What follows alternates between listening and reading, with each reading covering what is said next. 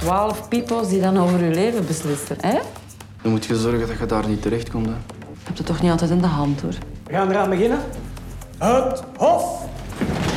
Zijn assiseprocessen te duur en inefficiënt? De Oekraïense president Zelensky stuurt zijn minister van Defensie de laan uit. De man had het ministerie van Defensie gedurende meer dan 550 dagen geleid. Waarom zet Oekraïne zijn defensieminister aan de deur in volle oorlogstijd? In mijn kop zit altijd van die witte, dat zijn de industriële eieren. Dat is dus fake ja, maar dat is dus niet, eh, dat is blijkbaar dus niet waar. En wat is het verschil tussen een bruin en een wit ei? We gaan een omeletje als uitsmijter geven. Ik ben Lode Roels en ik serveer je het komende kwartier drie nieuwe verhalen. Welkom. Vanmorgen is het assiseproces over de aanslagen van 22 maart 2016 hervat. Je was het misschien al vergeten, maar daar moet nog iets belangrijks gebeuren. De straf bepalen voor de acht veroordeelden. Het is het grootste proces ooit in ons land. Het heeft al heel veel tijd en heel veel geld gekost. En dat roept hier en daar vragen op. Een assiseproces kost heel veel aan heel het gerechtelijk systeem en dus aan heel de maatschappij. Dit is federaal procureur Frederik van Leeuw. Hij zat vanmorgen in de studio van de ochtend op Radio 1. Dit proces heeft tientallen miljoenen gekost. Het heeft in meer dan acht magistraten in beslag genomen tijdens anderhalf jaar. Dus de impact is niet te onderschatten, zegt Dat u. heeft allemaal een impact. Sinds begin januari 2022 zijn er meer dan 40 nieuwe assisezaken. Dat is gewoon ondoenbaar. Ik hoor woorden als duur, tijdrovend en ondoenbaar. En toch is zo'n assiseproces moeilijk weg te denken uit onze rechtsstaat. Assisen is tegelijk ook wel zoiets bijna ceremonieels, hè? Ja, het heeft ook wel iets basisdemocratisch. Ja, ook, hè, van met die jury, de gewone mens. beslist. Het heeft ook wel iets dat mij aanspreekt. Ook de samenleving, het feit dat je opgeroepen wordt voor een jurydienst en dat je als medeburger over andere medeburgers oordeelt. Het feit dat er een serie over wordt gemaakt, zegt misschien ook al iets. Inderdaad, we kijken maar al te graag naar misdaaddrama's waarin een volksjury beslist over schuld en onschuld. Kijk, het is heel simpel. Hè. Als de jury gelooft dat Julie Marianne een trap heeft geduwd, dan kom je vrij. Maar als ze het niet geloven dat het een ongeluk was, dan hangt je eraan. De VRT1-reeks De 12 is maar één van de vele fictiereeksen die inspiratie haalt uit de wereld van Assise. Maar wat zeggen de topadvocaten daarover?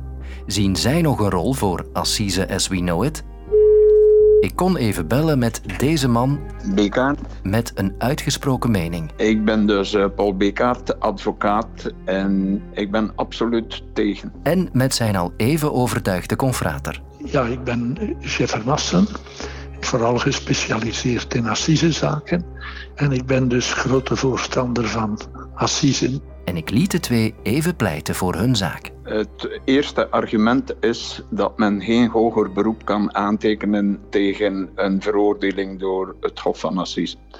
Stel je voor dat je voor de kleinste verkeersovertreding beroep kunt aantekenen, maar voor de zwaarste veroordeling tot levenslang of zeer lange gevangenisstraffen dat men niet eens beroep kan aantekenen. Wel, op zich is dat geen probleem. Er zijn nog procedures, onder andere voor vredegerechten, waar ook geen beroep is. En dus door het feit dat dit zo grondig uitgeplozen wordt, want een assisezaak duurt altijd minstens een week, hebben de juryleden een perfect beeld over de feiten, over de zaak. De volksjury, ik eh, wens indien ik ooit voor assisen verschijn, voor professionele rechters verschijnen en niet voor een onderwijzer of een garagist. En ik denk dat wij in de geschiedenis reeds heel wat kwalijke toepassingen gezien hebben van het volksrecht. Het oordelen en veroordelen behoort niet toe aan het volk. Ik wil trouwens opmerken dat België toch een van de weinige uitzonderingen is op de regel dat er een beroepsrechter uitspraak doet over dergelijke zaken. Men heeft een degoe van de burger en men minacht hem. Maar de grote ervaring nu is toch dat dit mammoetproces, dat de jury dit schitterend gedaan heeft. De man in de straat, dat is iemand die verstand heeft de dag van vandaag. En diegene die de procureur niet aanstaan. En degene die de verdediging niet aanstaan, die mogen zij vragen. Dus als daar iemand tussen zit waarvan je denkt, hm, dat ziet er nu toch niet een clevere mens uit, dan heb je de kans om die te vragen. Dus er is een sortering op voorhand, waardoor je eigenlijk verstandige mensen krijgt. Het duurt zeer lang. Alles wordt mondeling nog eens overgedaan met een enorm tijdverlies en in een tijd waar er tekort is aan magistraten en te veel aan andere zaken, vind ik het ook niet verantwoord om nog dergelijke assisenprocessen te gaan voeren. En dus nu is het argument dat het zoveel kost. En wat zou het gekost hebben als assisen afgeschaft wordt? Ik denk nog veel meer. Dat onderzoek moet sowieso gebeuren. Of dat nu gebeurt voor een latere assisezaak of een correctionele. Hans, dat voorbereidend werk moet gebeuren. En ik vind het dan ook niet echt fair dat men dan gaat zeggen: kijk een keer wat dat hier gekost heeft en wat dan ook zal kosten. Het is een procedure die de Grieken uitgevonden hebben. Vier eeuwen voor Christus. Dus dat heeft toch al zijn deugdelijkheid bewezen. Цього тижня парламенту буде Dit is de stem van de Oekraïense president Zelensky. En omdat ik ervan uitga dat je kennis van de Oekraïense taal beperkt is, help ik even met de vertaling.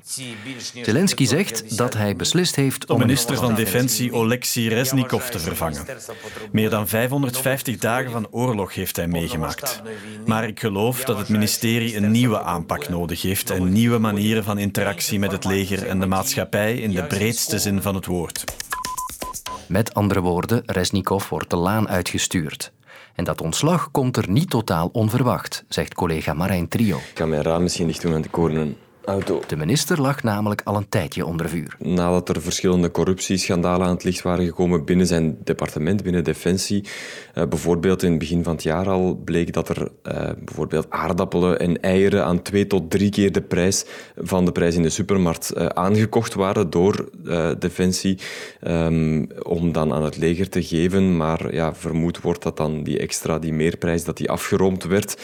En dan was er nog een schandaal over het omkopen van recruteren dus uh, mannen die de mobilisatie willen omzeilen en dus ja, uh, mensen binnen het leger omkochten om niet naar het front gestuurd te worden.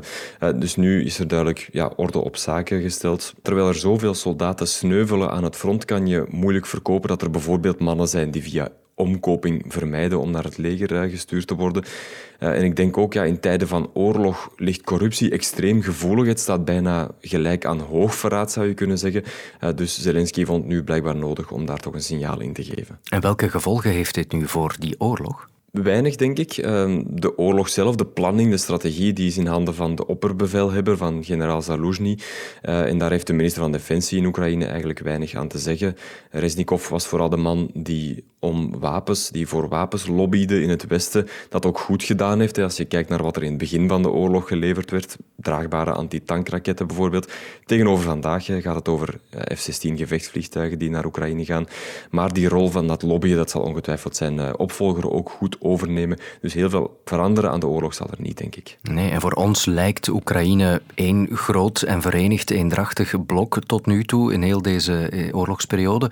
Is die interne politieke heibel, ook die corruptieschandalen die we nu zien, is dat een, een soort barst in dat ogenschijnlijke front, mag ik dat zeggen? Of, of zit dat er al een tijdje in? Ik denk niet dat er echt een barst in zit, aangezien er eigenlijk in Oekraïne weinig of geen politieke meningsverschillen zijn op dit moment. Ik bedoel, er zijn geen geloofwaardige stemmen in Oekraïne die uh, pleiten voor onderhandelingen met Rusland of voor het opgeven van grondgebied aan de Russen. Daarin wordt Zelensky volledig gesteund. Kritiek is op dit moment ook heel moeilijk in Oekraïne in die oorlogstijden. Maar een probleem wat Oekraïne wel heeft en al lang heeft, is corruptie. Um, en dat wordt niet van de ene dag op de andere uitgeroeid. Hoewel Oekraïne stappen vooruit heeft gezet, uh, biedt de oorlog voor een stuk ook veel kansen en mogelijkheden voor corruptie. Omdat er veel geld rondgaat, er zijn aanbestedingen, er moet steun verdeeld worden. Maar het verschil met vroeger is misschien wel dat Zelensky die corruptie nu probeert aan te pakken en daar uh, transparant over probeert te zijn. In Oekraïne zelf zagen ze het ook aankomen, dat ontslag. Bruno Beekman is journalist en in Kiev momenteel. Veel te laat Dat is de algemene teneur. De Oekraïners hier um, die noemen corruptie eigenlijk de tweede vijand. Waar ze zeggen, de eerste vijand, de Russen, ja, daar maken we wel komaf mee. Maar het zal veel moeilijker zijn om van de tweede vijand, de corruptie, af te geraken. Maar als president Zelensky daar niet in slaagt, dan zullen er nog veel meer mensen het land verlaten dan tijdens de oorlog. Omdat zowel militairen als de jongeren, die hebben zoveel opgeofferd voor deze oorlog, dat als je geen um, vrijheid zonder corruptie in ruil daarvoor krijgen, dan uh, verkiezen zij om ergens anders in het buitenland te gaan wonen waar ze wel vrij kunnen wonen.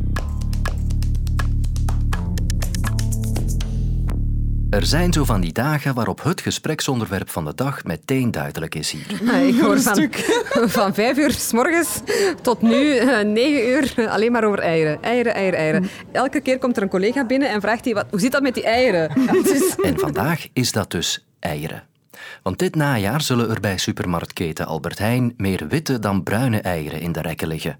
Volgens hen zijn die niet alleen goedkoper dan bruine eitjes, maar ook beter voor het milieu. En ook Lidl en Aldi willen dezelfde toer opgaan. Maar voor ik zelf overschakel van bruine naar witte eieren heb ik toch nog wel wat vragen over het verschil tussen die twee. Evelien Delezie kan mij daarbij helpen. Zij doet onderzoek naar pluimvee bij het ILVO, het Instituut voor Landbouw, Visserij en Voedingsonderzoek. Vijf vragen leg ik haar voor. 1. Welke kippen leggen nu witte en welke bruine eieren? Eigenlijk voornamelijk aan de oorlel kan je zien of ze witte of bruine eieren gaat leggen. Maar het is wel natuurlijk het uh, meest voorkomende dat een bruine leggen wel een bruin ei zal leggen en een witte leggen een wit ei. Het is eigenlijk de kleur van de oorlel die dat meer bepaalt. Maar algemeen, als je bruine hennen ziet, zullen die al voornamelijk bruine eieren leggen en de witte witte eieren. 2. Hoe komt het dat we nu vaker witte eieren zullen zien in de supermarkt? Wel, het bleek nu zo dat waar men vroeger altijd de bruine eieren eigenlijk aanbood, omdat de consument eigenlijk een voorkeur had voor bruine eieren.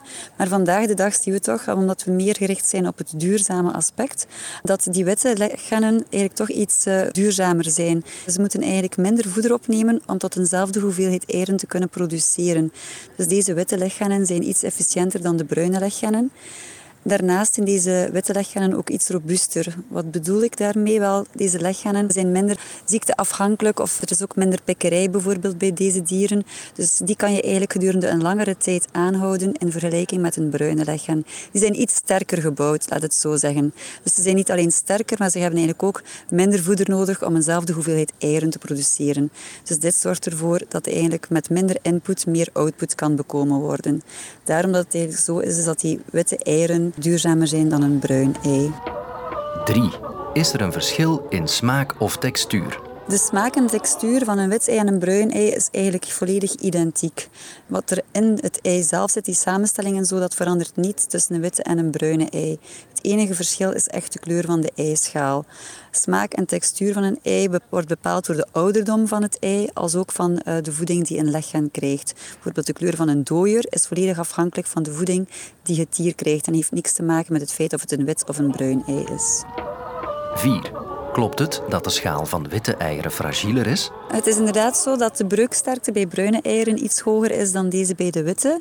Maar leggennen worden eigenlijk maar aangehouden tot het moment dat als die breuksterkte onvoldoende is, dan gaat men deze eieren normaal gezien niet meer aanbieden als tafelei. Men gaat deze naar de brekerijen gaan of gaat gewoon het einde van de legronde betekenen. Er zijn bepaalde eisen die men stelt aan eieren. Dus als de de ijsschaal te fragiel wordt, wordt die normaal gezien niet meer aangeboden. Ook daar moet ik me dus niet al te veel zorgen over maken.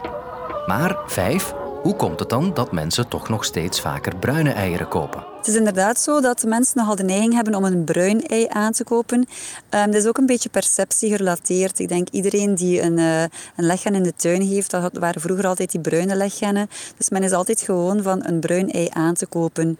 Een wit ei, dat ziet er totaal anders uit. Het is ook zo natuurlijk dat je daar meer als iets vuil is of, of je ziet er makkelijker iets op op een wit ei. En een wit ei komt misschien net iets industrieeler over naar de perceptie toe van de consument. Dus het is puur het beeld dat men heeft van men is gewoon om een bruin ei te kopen. Dus het is altijd moeilijk om daarvan af te stappen. Maar dat steunt vooral eigenlijk op gewoontes van de consument. En als ik al die antwoorden samenleg, Mag ik dan concluderen dat ik vanaf nu beter witte dan bruine eieren koop? Als je op vlak kijkt van ja, hoe efficiënt en hoe duurzaam men omgaat met ja, input versus output, ja, dan moet ik zeggen dat een uh, witte leggen of een wit ei de voorkeur krijgt uh, boven een bruin ei. Het is wel zo natuurlijk dat we zomaar niet in België volledig onmiddellijk kunnen omschakelen en alle bruine leggennen vervangen door witte leggennen. Maar het zou wel al een eerste stap zijn, moesten inderdaad dus die witte eieren ook meer aangeboden worden in de retail en deze niet enkel onderaan gelegd worden, dus ook dat men echt wel de keuze heeft om te kunnen kiezen tussen een bruin en wit ei. Ja, wit of bruin, ons podcast-ei is uitgebroed intussen. Morgen een nieuwe dag met drie kakelverse verhalen. Tot dan. Luister ook naar de nieuwe aflevering van de podcast De Verdwijning van Britta Kloetens, over hoe er twaalf jaar na haar verdwijning toch nog een doorbraak kwam. Nu in de app van VRT Nieuws.